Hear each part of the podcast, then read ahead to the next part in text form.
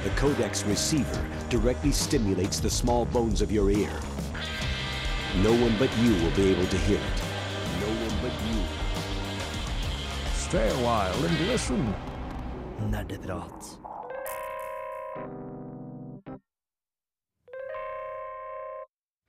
Hei og hjertelig velkommen til Nerdeprat, spillmagasinet til Radio Revolt, som har holdt på siden en gang på rundt 2005.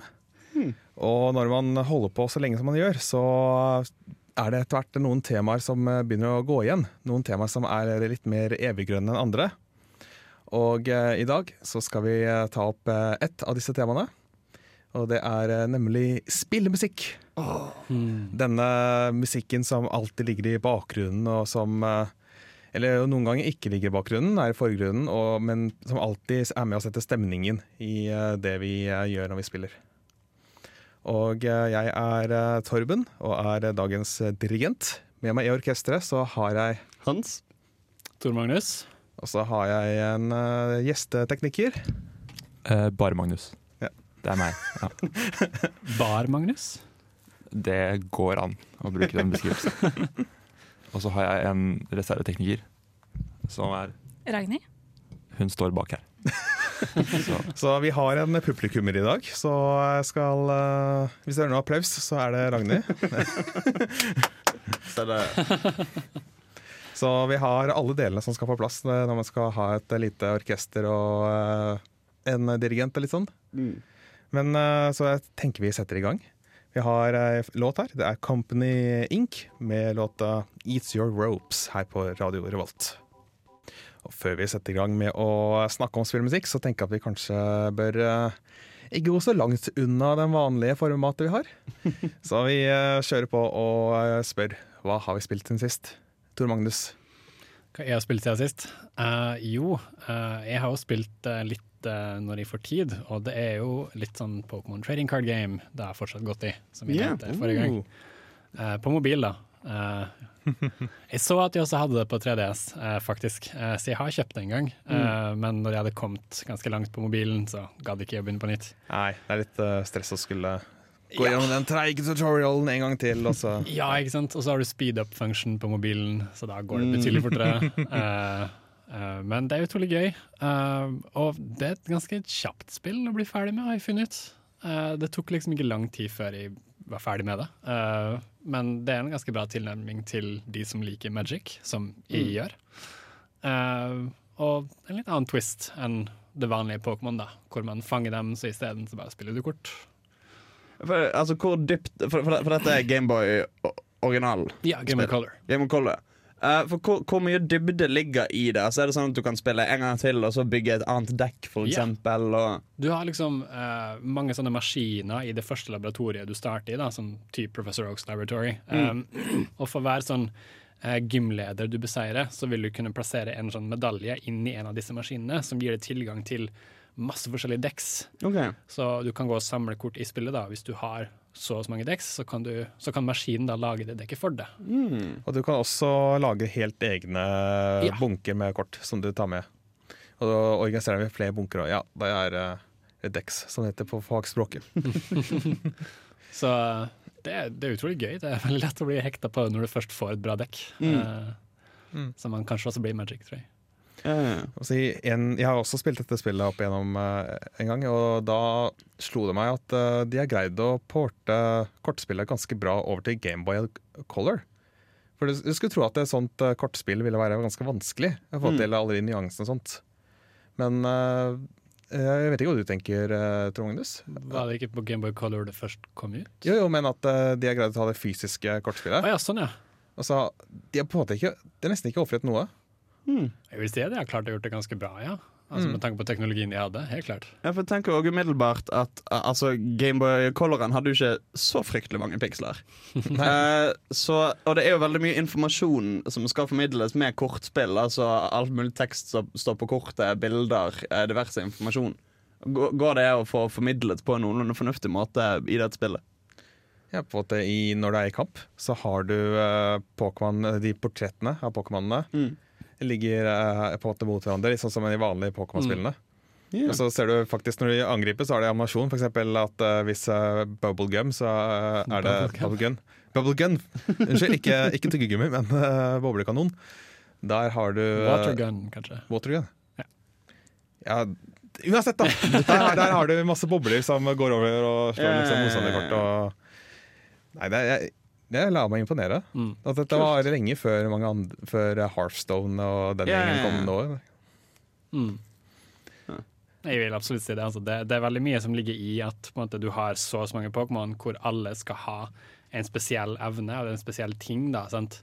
Mm. Uh, alt blir jo på en måte nesten én liten mechanic hver, uh, og så skal alle 151 Pokémon ha én mechanic hver. Sant? Da blir det veldig mye, men de får det til. Yeah. Og det ser veldig pent ut. Og det er liksom ikke for mye, det er veldig enkelt.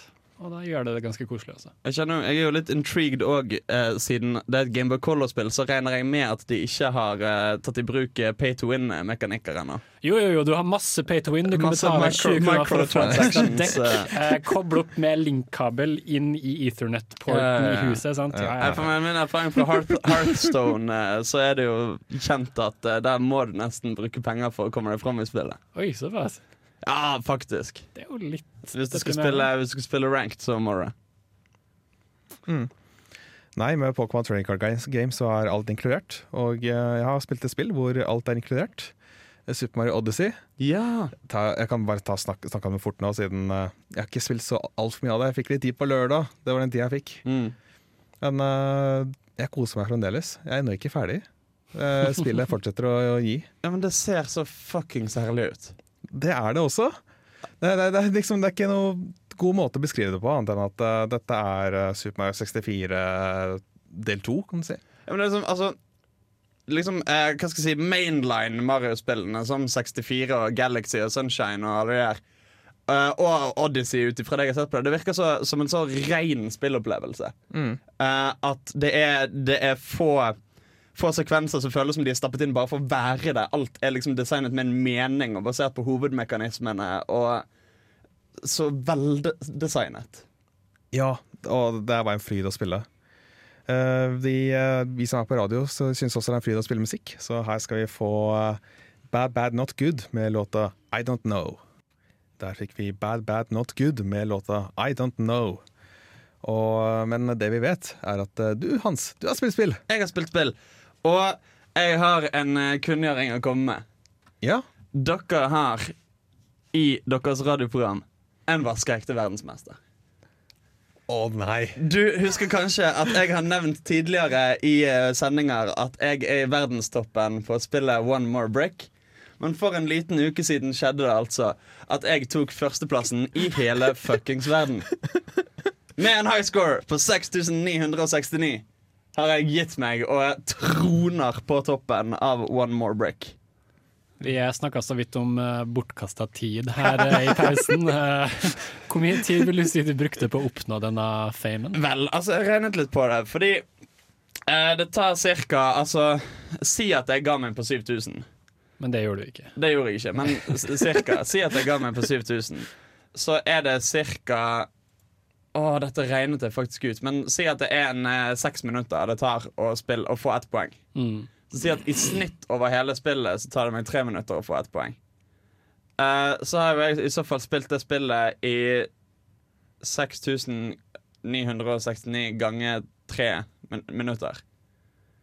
Så en vesentlig mengde 21 minutter. 000? Det høres jævla mye ut. Jeg tror ikke matten min er helt riktig.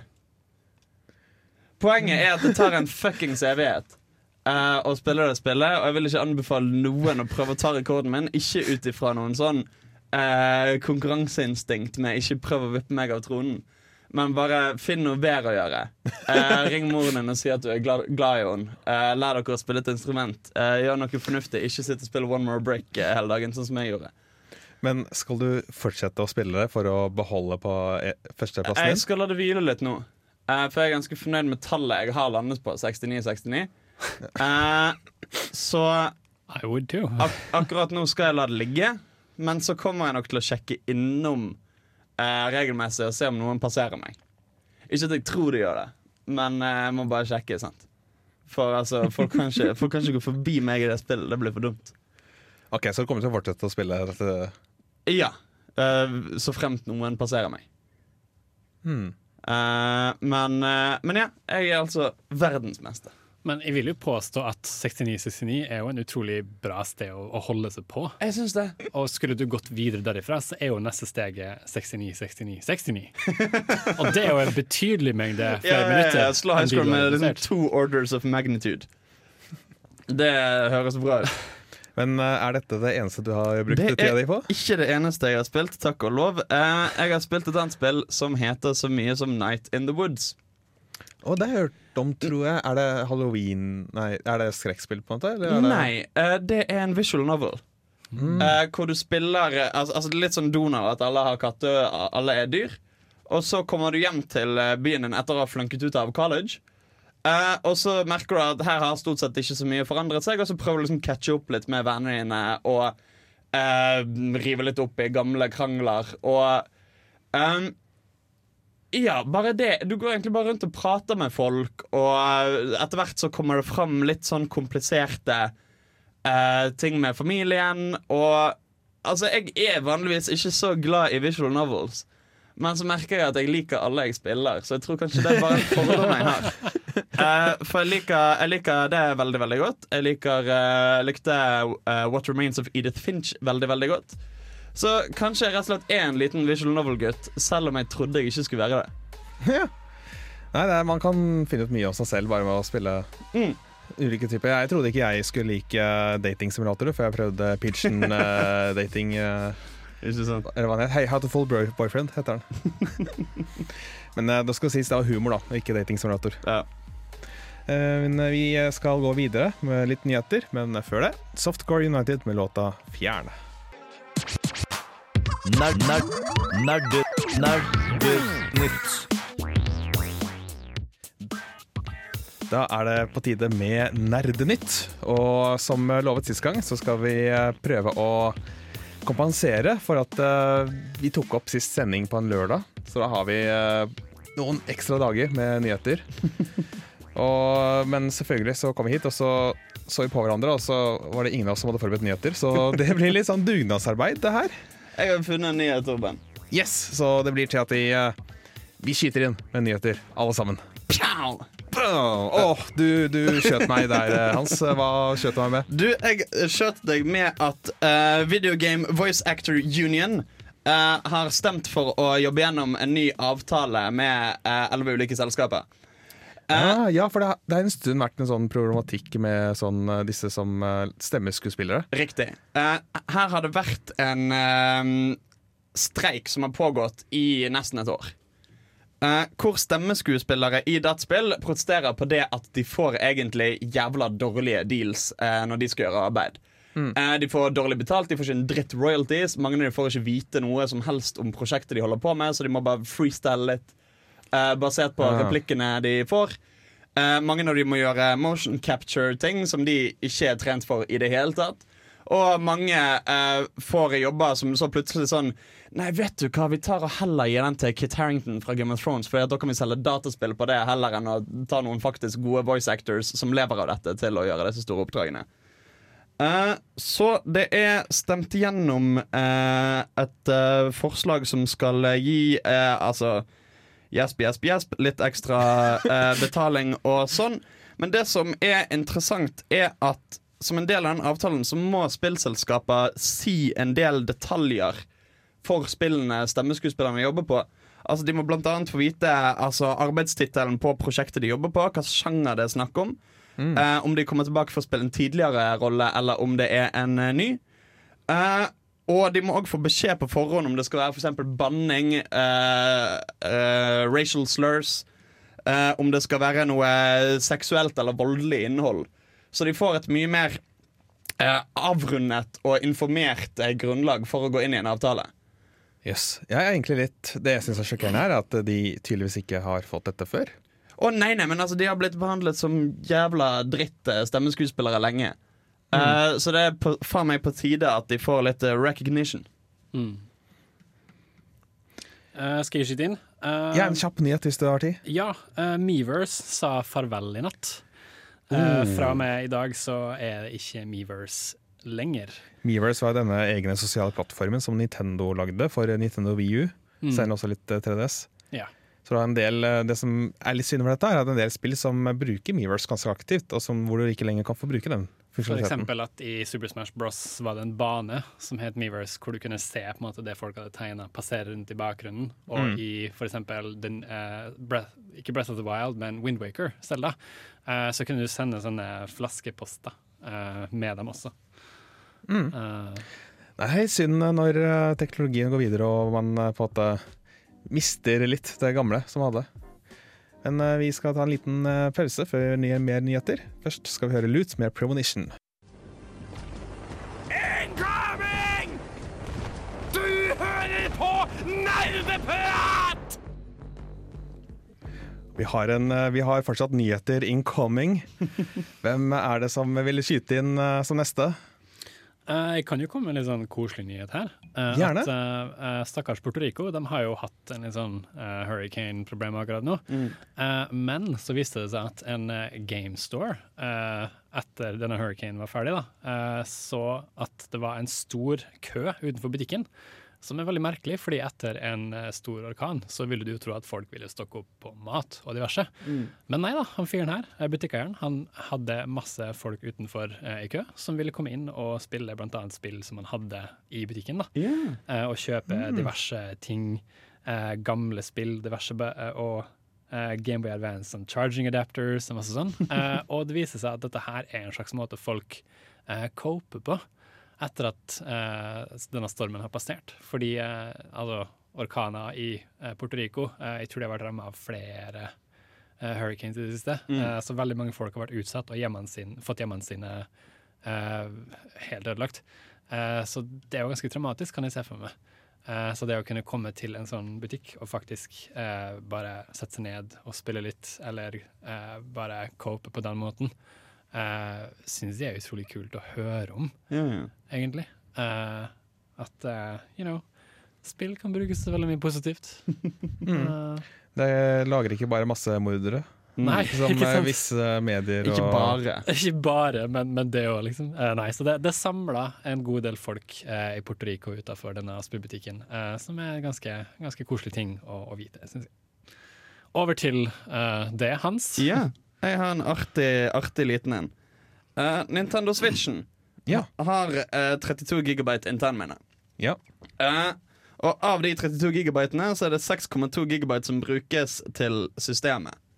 Yep. Eh, oss matematikere klarer jo derifra å konkludere med at greit, da har vi 26 gigabyte eh, data å jobbe med hvis vi har lyst til å laste ned noe spill. eh, så vi skal spille på konsollen. Det som er litt vittig, er at når LA Noir eh, kom til eh, Switch, så du kunne laste ned, så er den på 29 gigabyte. Så med mindre du har et SD-kort, så kan du ikke laste ned og spille LA Noir på Nintendo Switch. Vet du hva jeg synes er verre? Hva synes du er verre? At det er den fysiske utgaven Med den så er du fortsatt nødt til å laste ned rundt 14 gigabyte. Fordi Stemmer. den fysiske utgaven kommer bare på har bare 16 av gigabytene.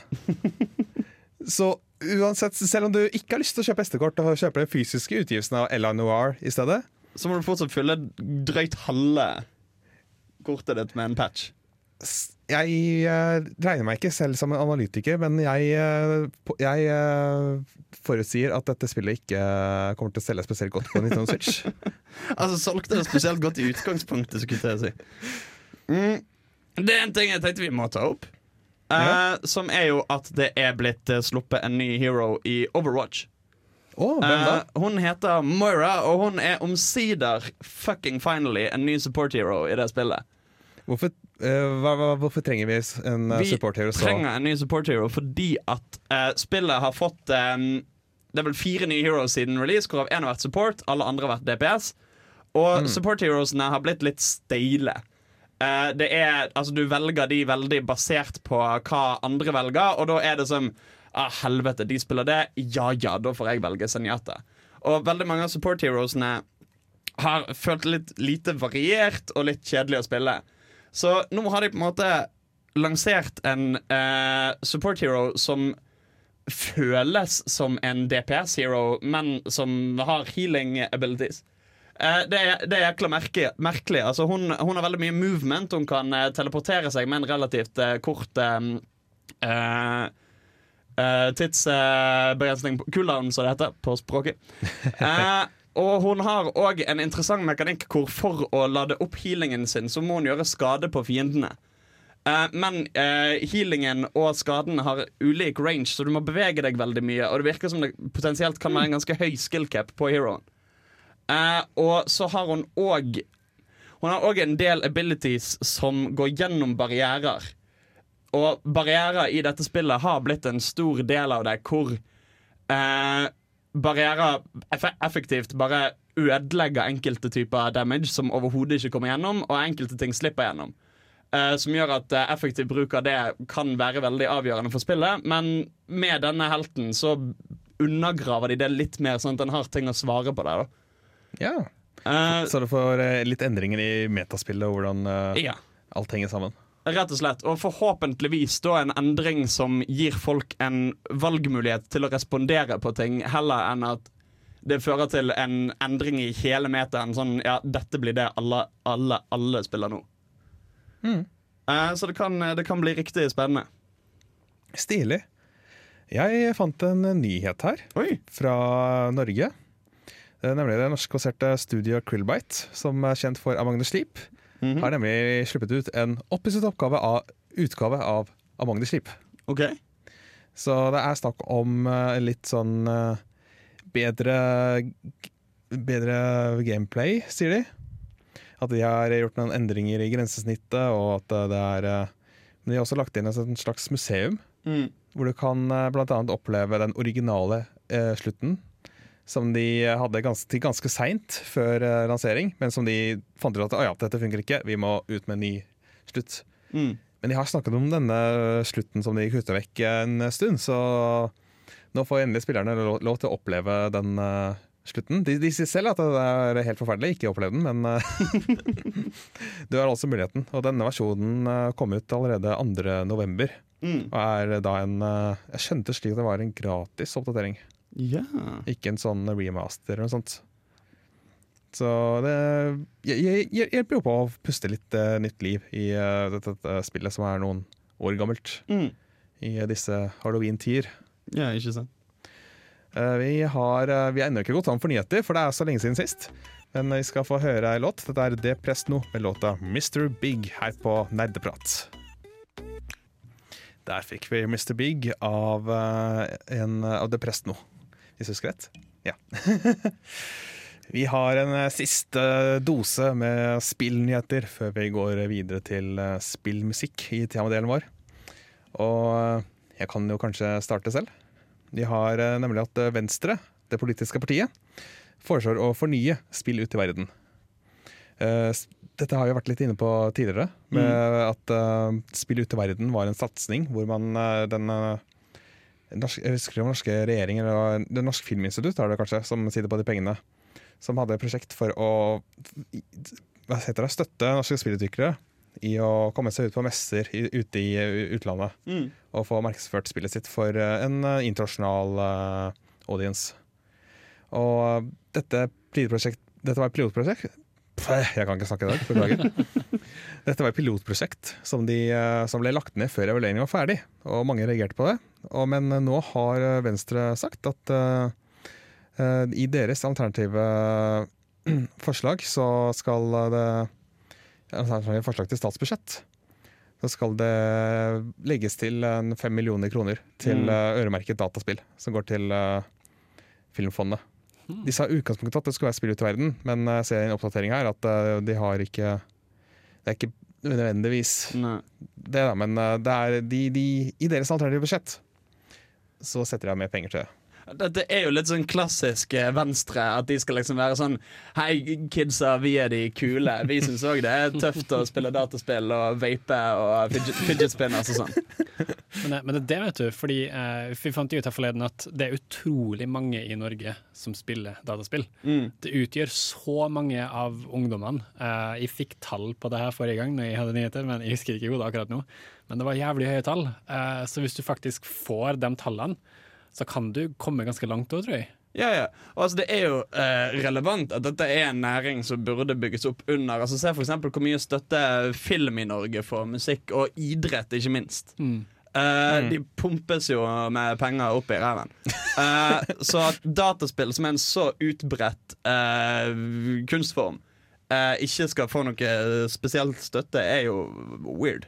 Men eh, nå får de eh, altså satt av eh, fem millioner til Spill ut verden. Så her, da. Hvis Venstre får det som de vil. Ja, i deres eh, alternative budsjettforslag. Så spørs det jo hvor eh, sterke kort de har på hånda. Så vurder å stemme Venstre neste stortingsvalg. La, la, la, la oss ikke konkludere noe på den fronten. Nei. Uh, jeg har en liten uh, nyhet. Uh, Ja. Det ble annonsert for en liten uke siden at uh, Spelunky skulle få en oppfølger. eh, som Yes. heter Hold deg fast, Spelunky 2.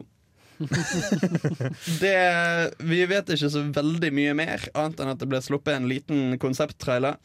Og det er noen som har begynt å spekulere litt, fordi i den traileren så er det en um, beskjed som heter Looking to the skies, the walls are shifting once again. Uh, og det får folk til å spekulere i uh, Kan det hende at der eh, opprinnelige Spelunky uh, foregikk i at du borer, borer deg ned i dungeons og tunneler og alt mulig. Så kanskje denne går andre veien. Kanskje du skal kla Oppover. klatre opp i himmelen istedenfor å klatre ned i eh, jorden. Åh, det er sånn inverted uh, type verden, ikke sant? hvor du starter nederst, og så er det på en måte bakken over det. Om noen har sett Patema Inverted eller noe sånt, så er det et utrolig kult konsept. Men dette, er jo, dette høres jævlig bra ut. Det er samme studio som lagde Spelunky 1 som skal lage dette. Spelunky 1 er jo et kjempegøy spill. Eh, veldig sånn rent og enkelt eh, rogelight-spill. Hvor du hopper rundt i en eh, randomly generated eh, dungeon og skal plukke opp eh, treasures og redde damsels og eh, drepe monstre. Og nå får vi mer av det, og det blir good shit. Hele verden gleder seg. Ja. Eh, Jeg har litt tid til slutt til en liten glad nyhet. Eh, først vil jeg gjerne si at hvis du ikke har sett Stranger Things sesong to, gå og se den. Den kom Absolutt. ut uh, 28. november eh, forrige måned. Go check it out, it's amazing. Oktober. Oktober, ikke november, riktig. Uh, det november, stemmer det.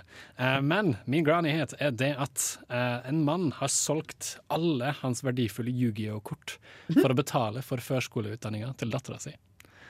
Uh, dette er ikke bare hvilket som helst kort. Har det er noe med Stranger Things å gjøre? Nei. Det var det helt to forskjellige ting? Jeg ville bare først si at, eh, og det her var da min gladnyhet. Mm.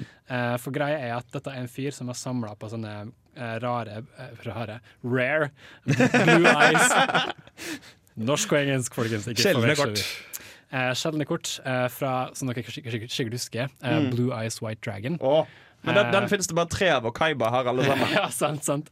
Eh, Dette her er da ikke de vanlige versjonene, men de sjeldne versjonene som ble gitt ut i år 2000 på en spesiell festival i Japan som selges for over 700 kroner per kort. God damn. Og han hadde en, en hel drøss av disse, Uh, og det er et lite bilde på Kotaku hvor han har ei lommebok full av uh, alle disse sedlene, da, uh, igjen, da, fordi det her var en historie fra Japan, Mm. eh, etter at han har solgt alle korta, eh, hvor det står under 'Racing kids ain't cheap'.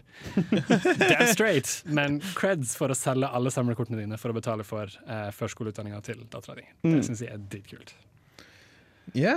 Nei, jeg har ennå litt tid til noen nyheter. Eh, Ikke fordi jeg liker dårlig stemning, men eh, det er noen triste nyheter òg. Å nei. Telltale Games de eh, kutter eh, 25% av sine ansatte. Hmm.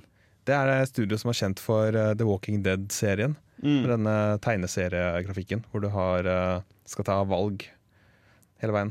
Ja, og de har òg branchet ut en del. Altså, du har Tales, Ja. Tales from Borderlands, uh, Batman uh, Telltale Series, eh, Minecraft Game eh, of Thrones. det er, eh, Så kanskje de har prøvd å branche ut for mye. Mm. De eh, tar i hvert fall og sier at eh, de skal forbedre kvaliteten på det de driver med, og mindre team og færre spill og sånn. Yeah. Og har vi, har vi noen gladnyheter for å Det det jeg til slutt.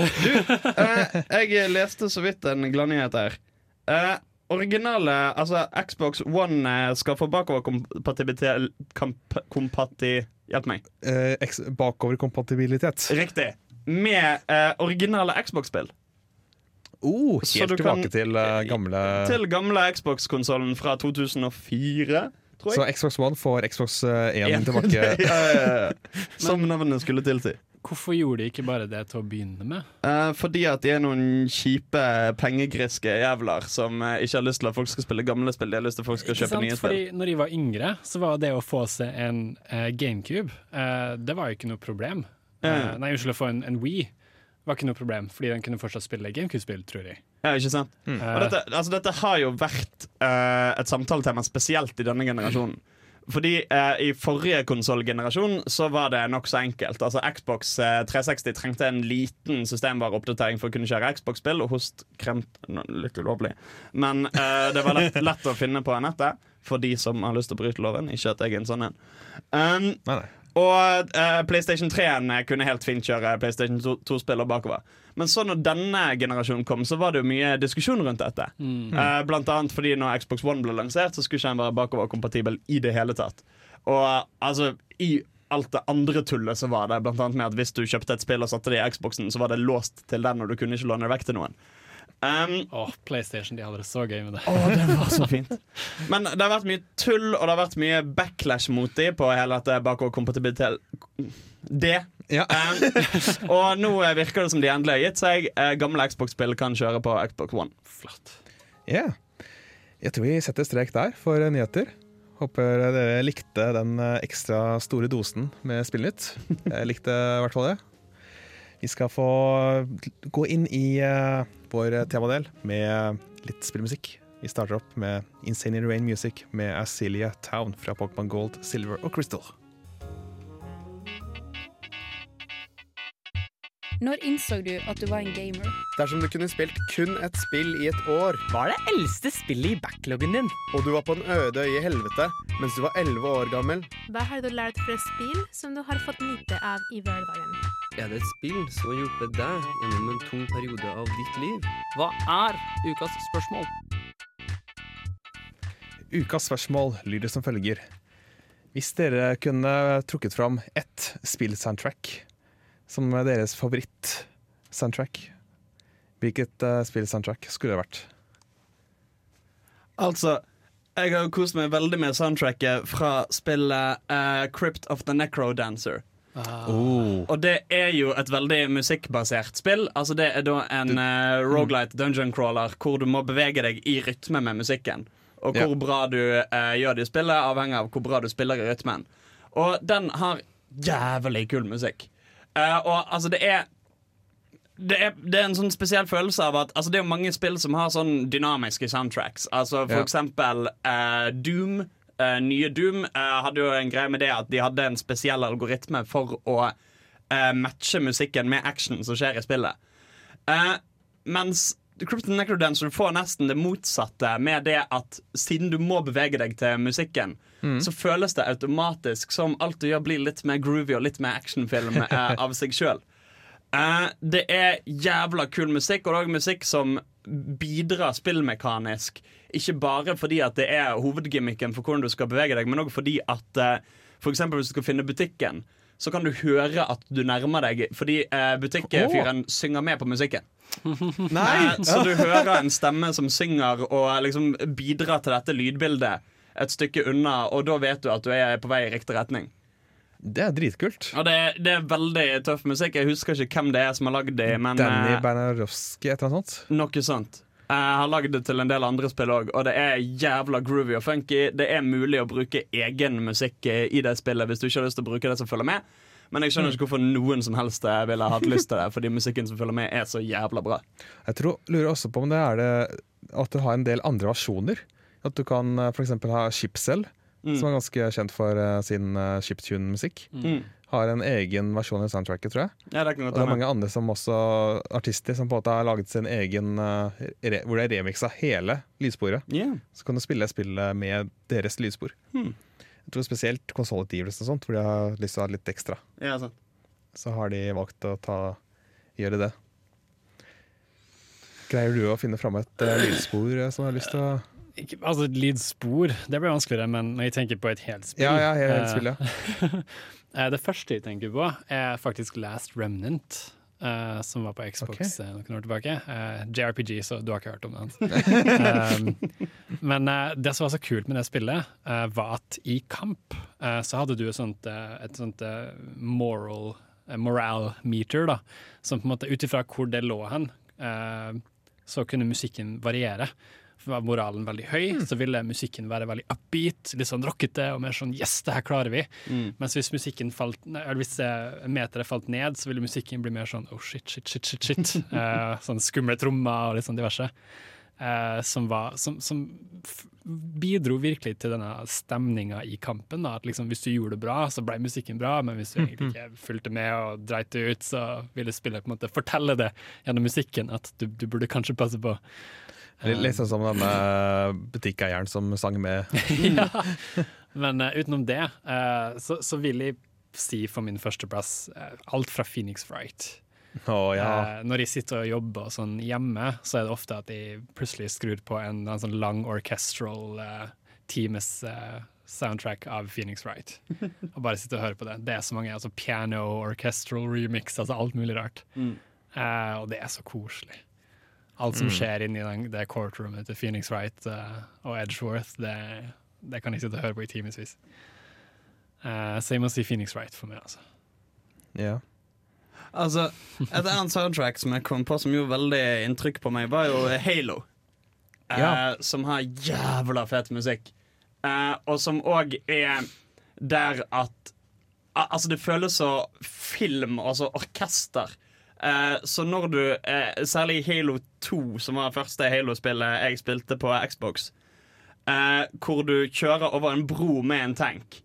Og etter hvert som det blir flere og flere fiender, eh, som du bare meier av, av gårde med tanksen, men det blir litt vanskeligere, litt vanskeligere, Hmm. så kommer liksom eh, jævla sånn fett sånne strykere sånn da-da-da-da. Og så kommer en elgitar som shredder litt oppå det. Og det høres jævla cheesy ut, og det er jævla cheesy, men det funker så jævla bra for å sette stemningen. Jeg føler det er sånn unikt med dataspill at eh, der kan du ha veldig cheesy musikk. Fordi Mm. det passer så utrolig godt med det som skjer på skjermen. Ikke sant? Men eh, det har så mye å si òg, når du får den der utrolig kule musikken på et veldig viktig øyeblikk. Mm. Ikke sant? Og da, da du kjenner det, ikke sant? at det brenner litt inni det. Ja, ja. Liksom på rette tidspunktet.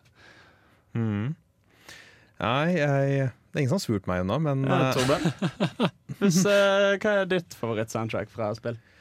jeg var redd du skulle spørre. Du var redd jeg skulle Kan, kan, du ikke, kan du ikke la Torben snakke først nå? Nei, nei, nei. Uh, jeg syns det er et veldig vanskelig spørsmål. Mm. Eh, en del av meg har lyst til å gå veldig med nostalgien og si at det er Pokémon Ruby og Sapphire Emerald. Mm. Fordi at det er musikk som jeg har vokst opp med.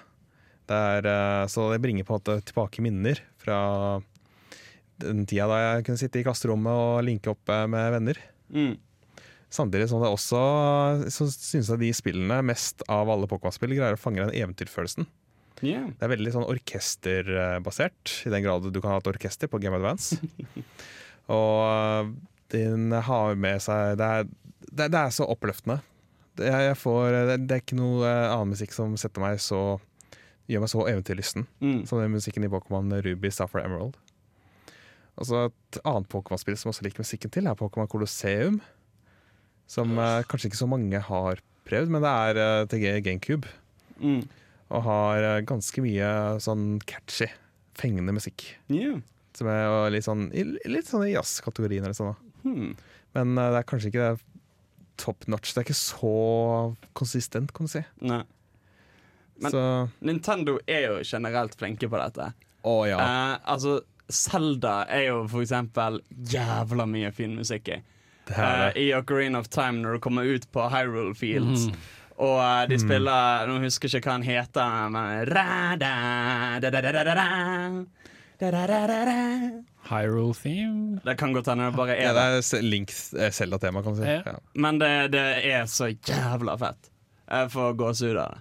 Mm. Mm, enig. Hele den lange sekvensen der, for den går liksom opp og gjennom forskjellige faser Ja, på en måte, ja, ja. før den fisler ut i på en måte en slags solnedgang-type Ja, feeling.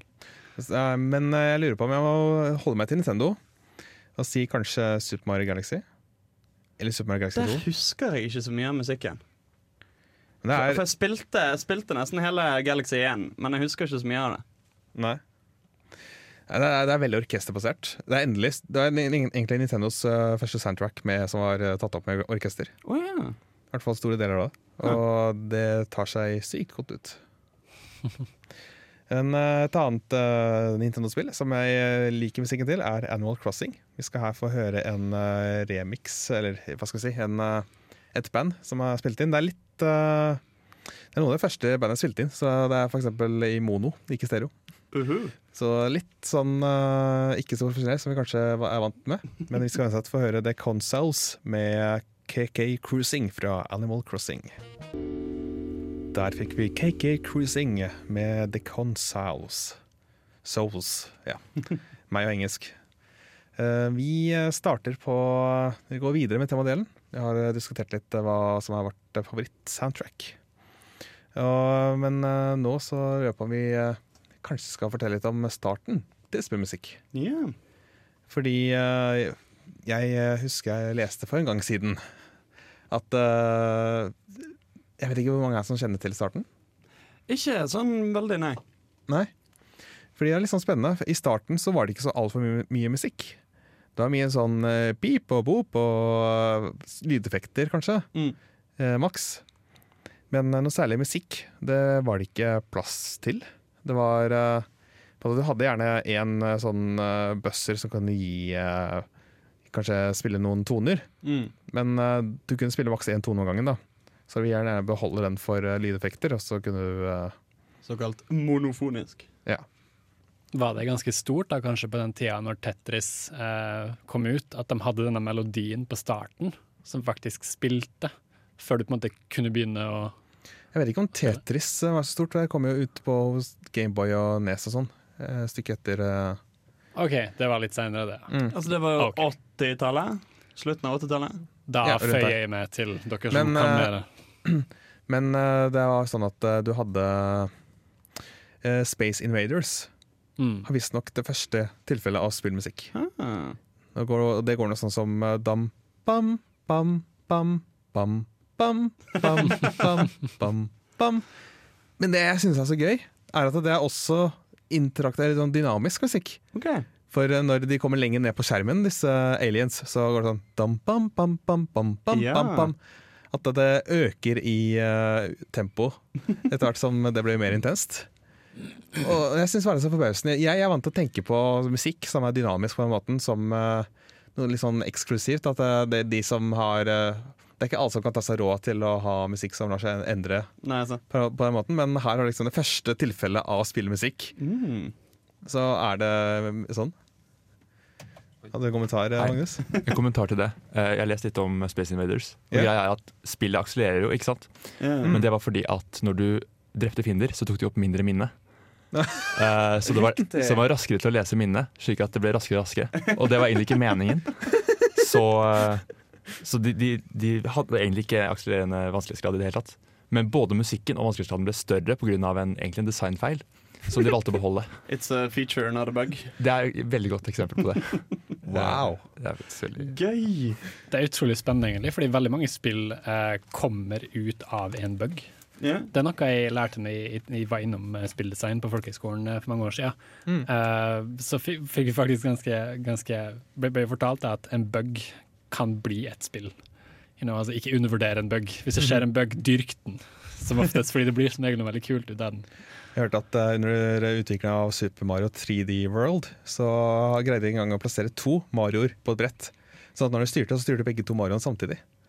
Og dette likte de så godt, denne feilen, at eh, de gjorde om til disse Sherry uh, power-upen i Ja. uh, Super Mario 3D World. Stemmer Hvor du er nær den, så blir det én Mario til.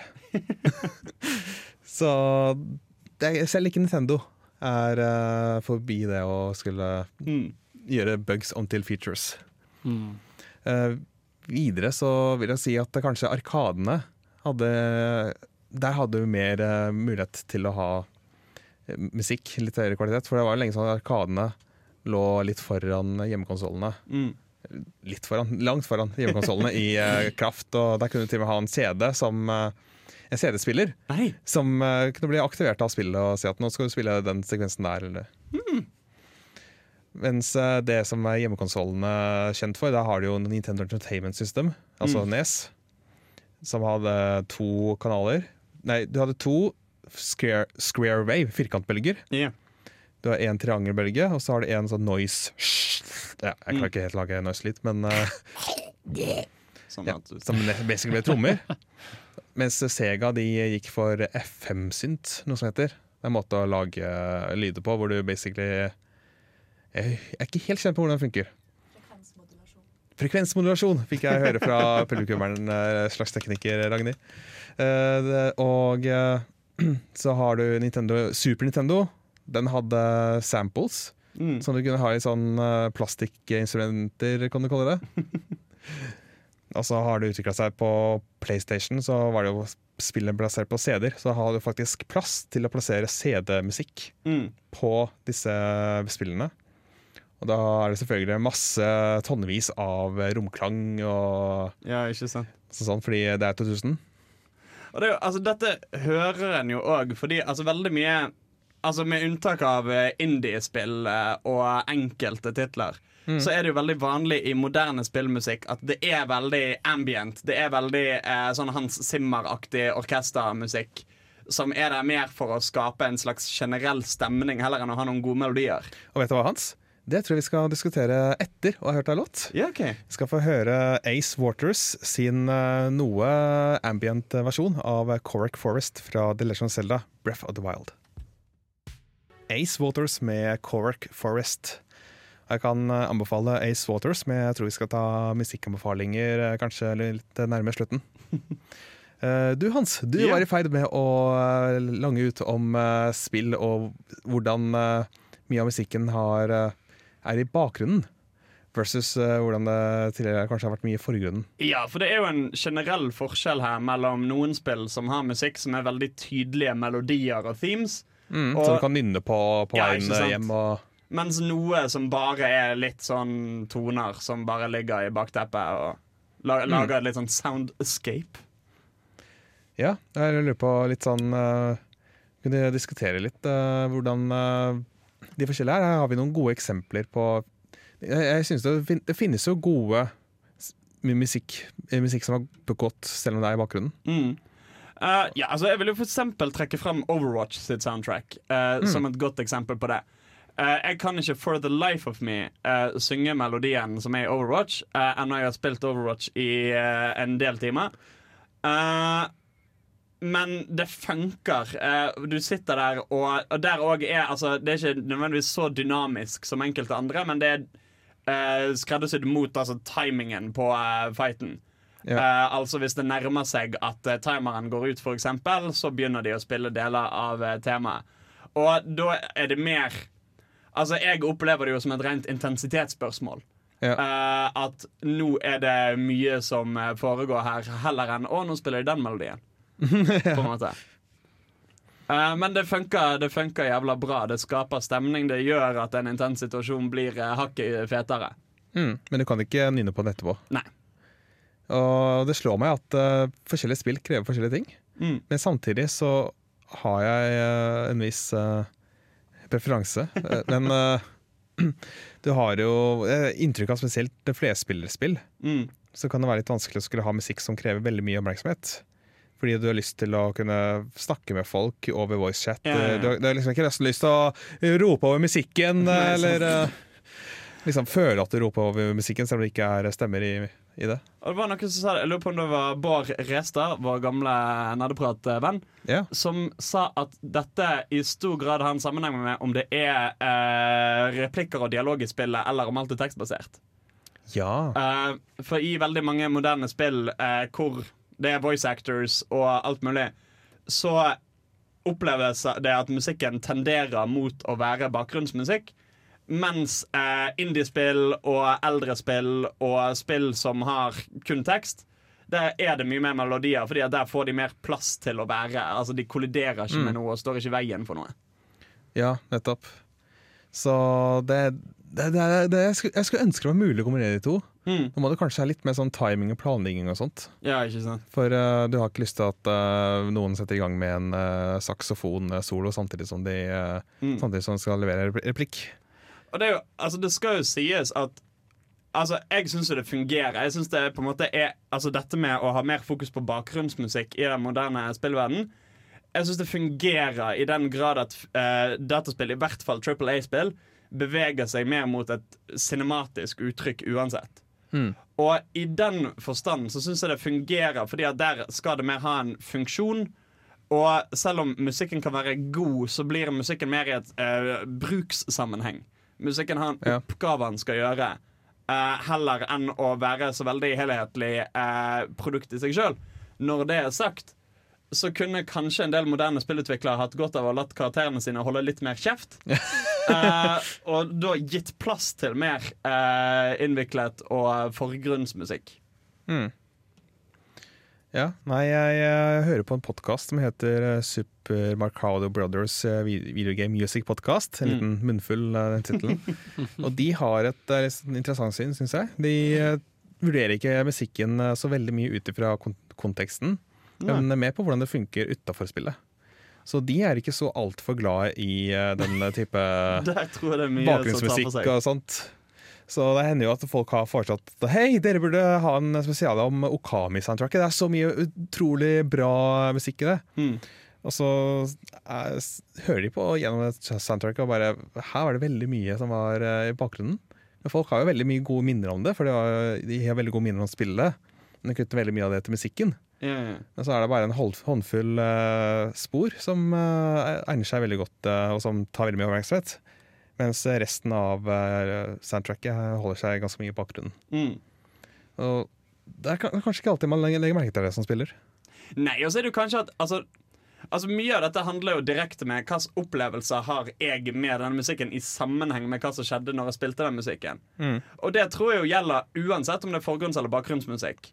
At eh, den her, jo, men denne musikken husker jeg fra når jeg var seks og fikk eh, Gameboy min og spilte Pokémon. Hmm. Så da vil det selvfølgelig ha en plass i hjertet ditt, og du vil kunne høre på den musikken for seg sjøl fordi at det blir en nostalgisk effekt av det. Ja, Apropos det, så har jeg lyst til å ta med meg en låt fra Pokémon.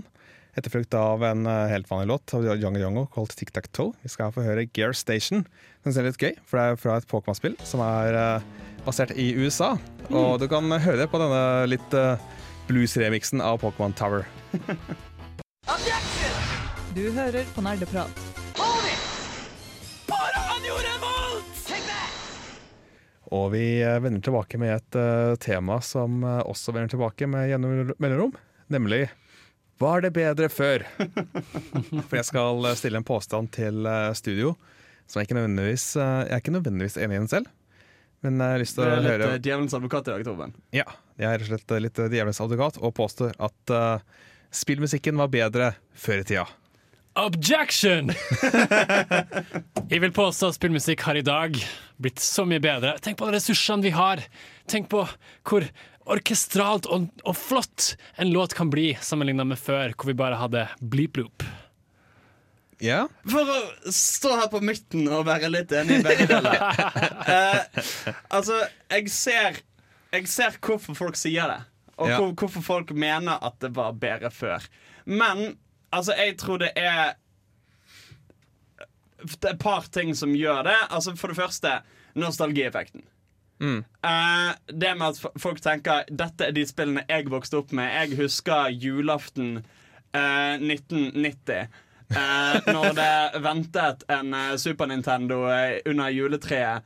Og jeg sto opp klokken seks om morgenen og satt og spilte det i pysjamasen. Og så kom bestemor med en kakao til meg. Eh, selvfølgelig, den musikken kan du ikke konkurrere med uansett hvor fint det blir i dag. Eh, og det er jo faktisk altså, altså det er et argument i det at det var mer markert musikk før i tiden. For det er jo som for eksempel du sa med at det var et begrenset antall lydspor Super Nintendoen hadde. Eller den Ja. originale Nintendoen. Jeg husker ikke hva det var du nevnte. Ja, alle har hatt begrensninger, men spesielt den første. Ja, sant? Visst antall firkantbølger, en sagtannbølge og en noise generator. Og da er det jo begrenset. Da kan du rett og slett ikke ha så jævla ambient musikk. Du kan ikke ha noen sånn pads som ligger der, og en eller annen rar melodi oppe, og lydeffekter og alt mulig oppe. Da må du på en måte bestemme deg for noe. Eh, og ut ifra den begrensningen så får du kule ting. Begrensning skaper kul kunst. Sånn Ja. er det bare. Definitivt. Jeg har selv faktisk lekt meg litt med sånn, et program som heter Fami Tracker. Mm. Gratis til Windows, hvor du kan uh, skrive musikk som uh, spilles gjennom en uh, emulert uh, lydchip til eh, Nintendo. Ja, ikke sant? For denne begrensninga gjorde at liksom folk måtte virkelig utnytte det de hadde for å faktisk lage noe bra. Ja, ja, ja. Sant? Altså, Ja, ja, den ser jeg. Men altså, du kunne ikke spilt Titanfall 2 med de samme soundtrackene. Nei! uh, du kunne ikke spilt Titanfall 2 og så. Det hadde ikke gått. Uh, musikkverdenen må endre seg i grad med spillene. Så jeg Altså, jeg føler at musikk i spill har en funksjon. Det har en oppgave. Ja. Eh, og det gjelder like mye i dag som det gjorde før. Før i tiden så gjaldt det å fylle ut underholdningsproduktet. Eh, det er jævla weird å styre disse pikslene i stillhet. La oss slenge på noen lyd, òg, gutta. Eh, mens i dag så er det en mer filmatisk og eh, cinematografisk eh, oppgave. Eh, hvor det skal underbygge stemningen, hvor det skal ligge der i bakgrunnen og skape, skape en følelse i deg. Ja. Jeg tenker at hvis du kritiserer Hvis du kritiserer moderne spillmusikk, så kritiserer du egentlig moderne spill. Hmm. Uh, du kritiserer spillutviklingen. Du syns spill generelt var bedre før. Og det er jo en, et legitimt argument, men jeg tror ikke det gjelder spesifikt musikken. Jeg tror musikken har endret seg fordi musikken måtte endre seg. Hmm.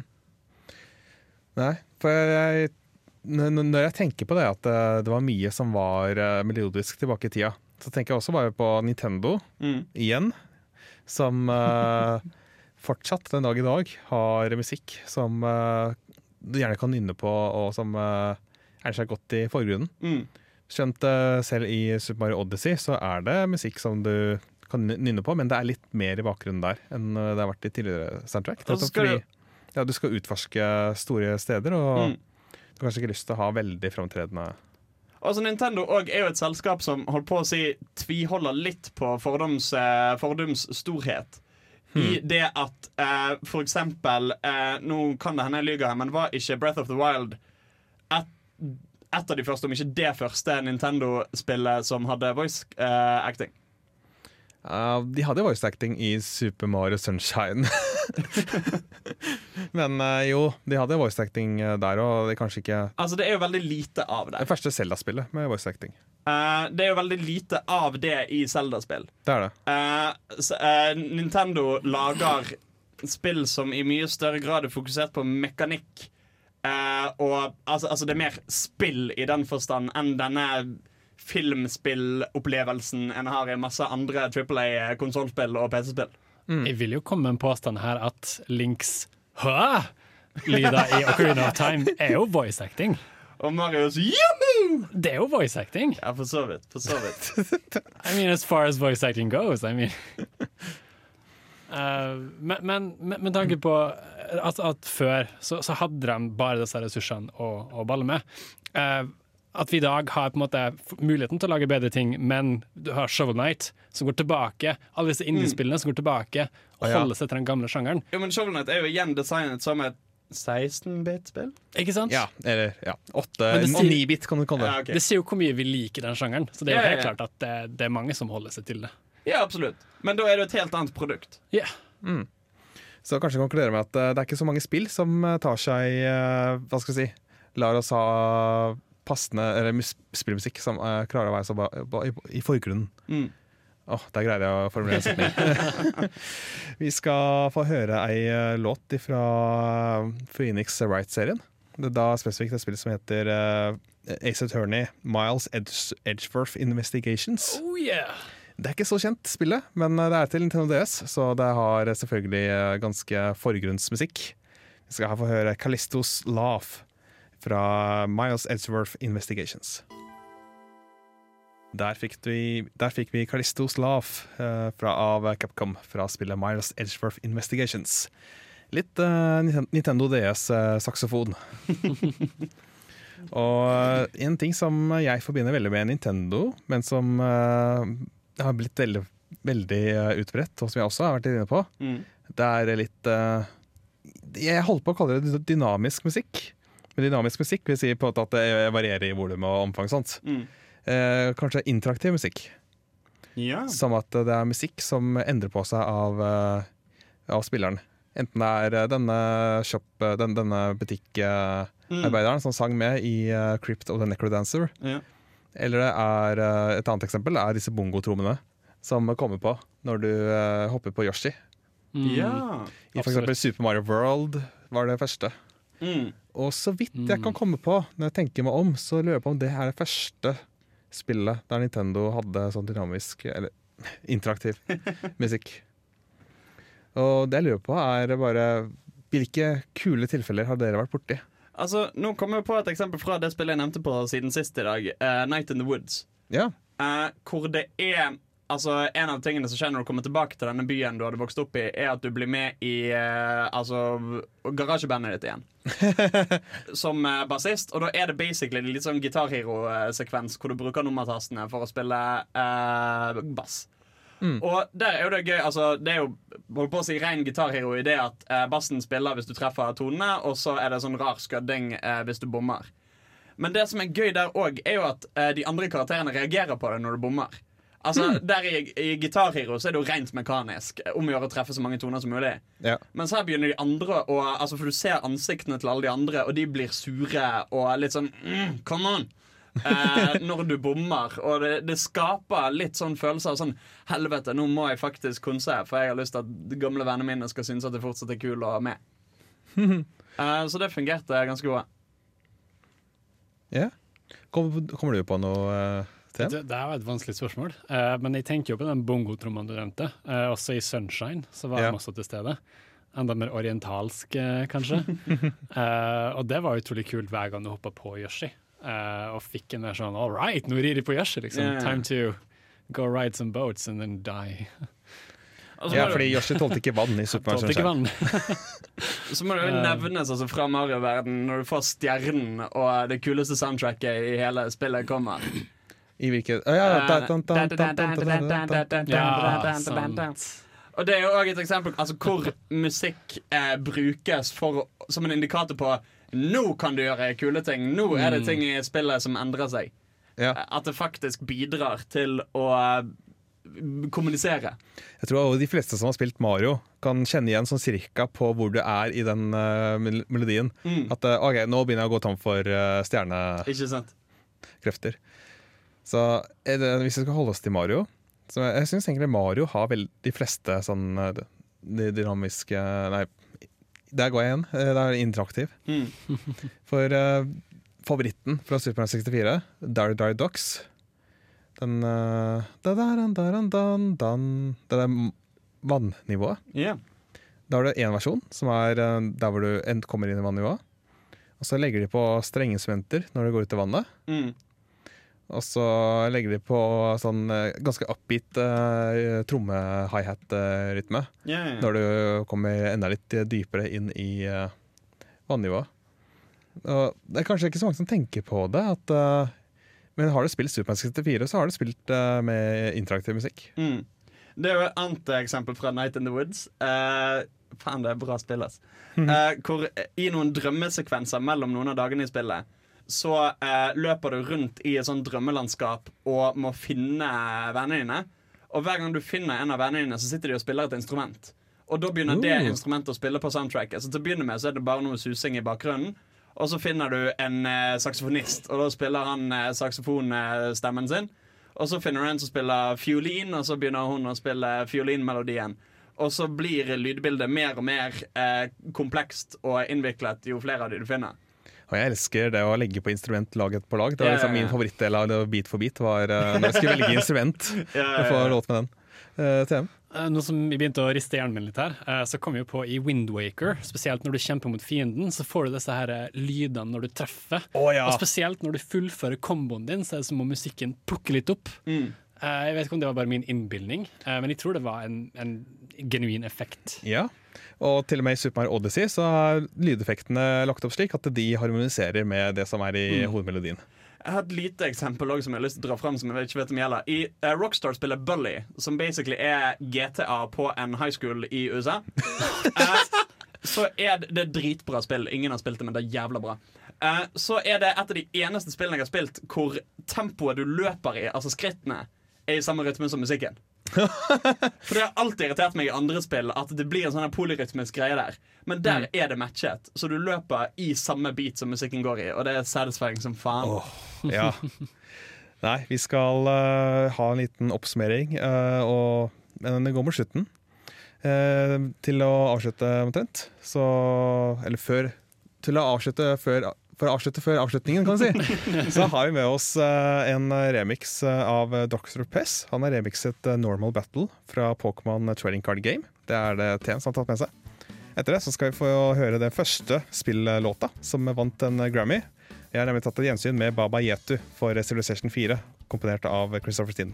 Men først altså Dr. Pess med Normal Battle fra Pokémon TCG. Du hører på Nerdeprat på Radio Revolt. Og vi er eh, akkurat eh, kommet til slutten, the bitter end, hvor eh, vi har diskutert eh, litt om datas, dataspill, så jeg har spillmusikk. og avslutningsvis så tenkte jeg at vi kunne få komme med alle de anbefalingene som vi rekker. Yeah. For vi har jo i løpet av sendinga nevnt eh, noen eh, spill-soundtracks. Vi har nevnt eh, jeg har nevnt en podkast som jeg har lyst til å anbefale. Mm. Super Marcado Brothers Raid Super Brothers Video Game Music Podcast. hvor de eh, spiller eh, De er veldig flinke til å være to the point og ikke så mye fluff. Mm. I motsetning til meg. Og er veldig flinke til å analysere. De spiller jo selv eh, musikk og sånn. Yeah. Lager også dataspillmusikk, så dem kan man virkelig anbefale.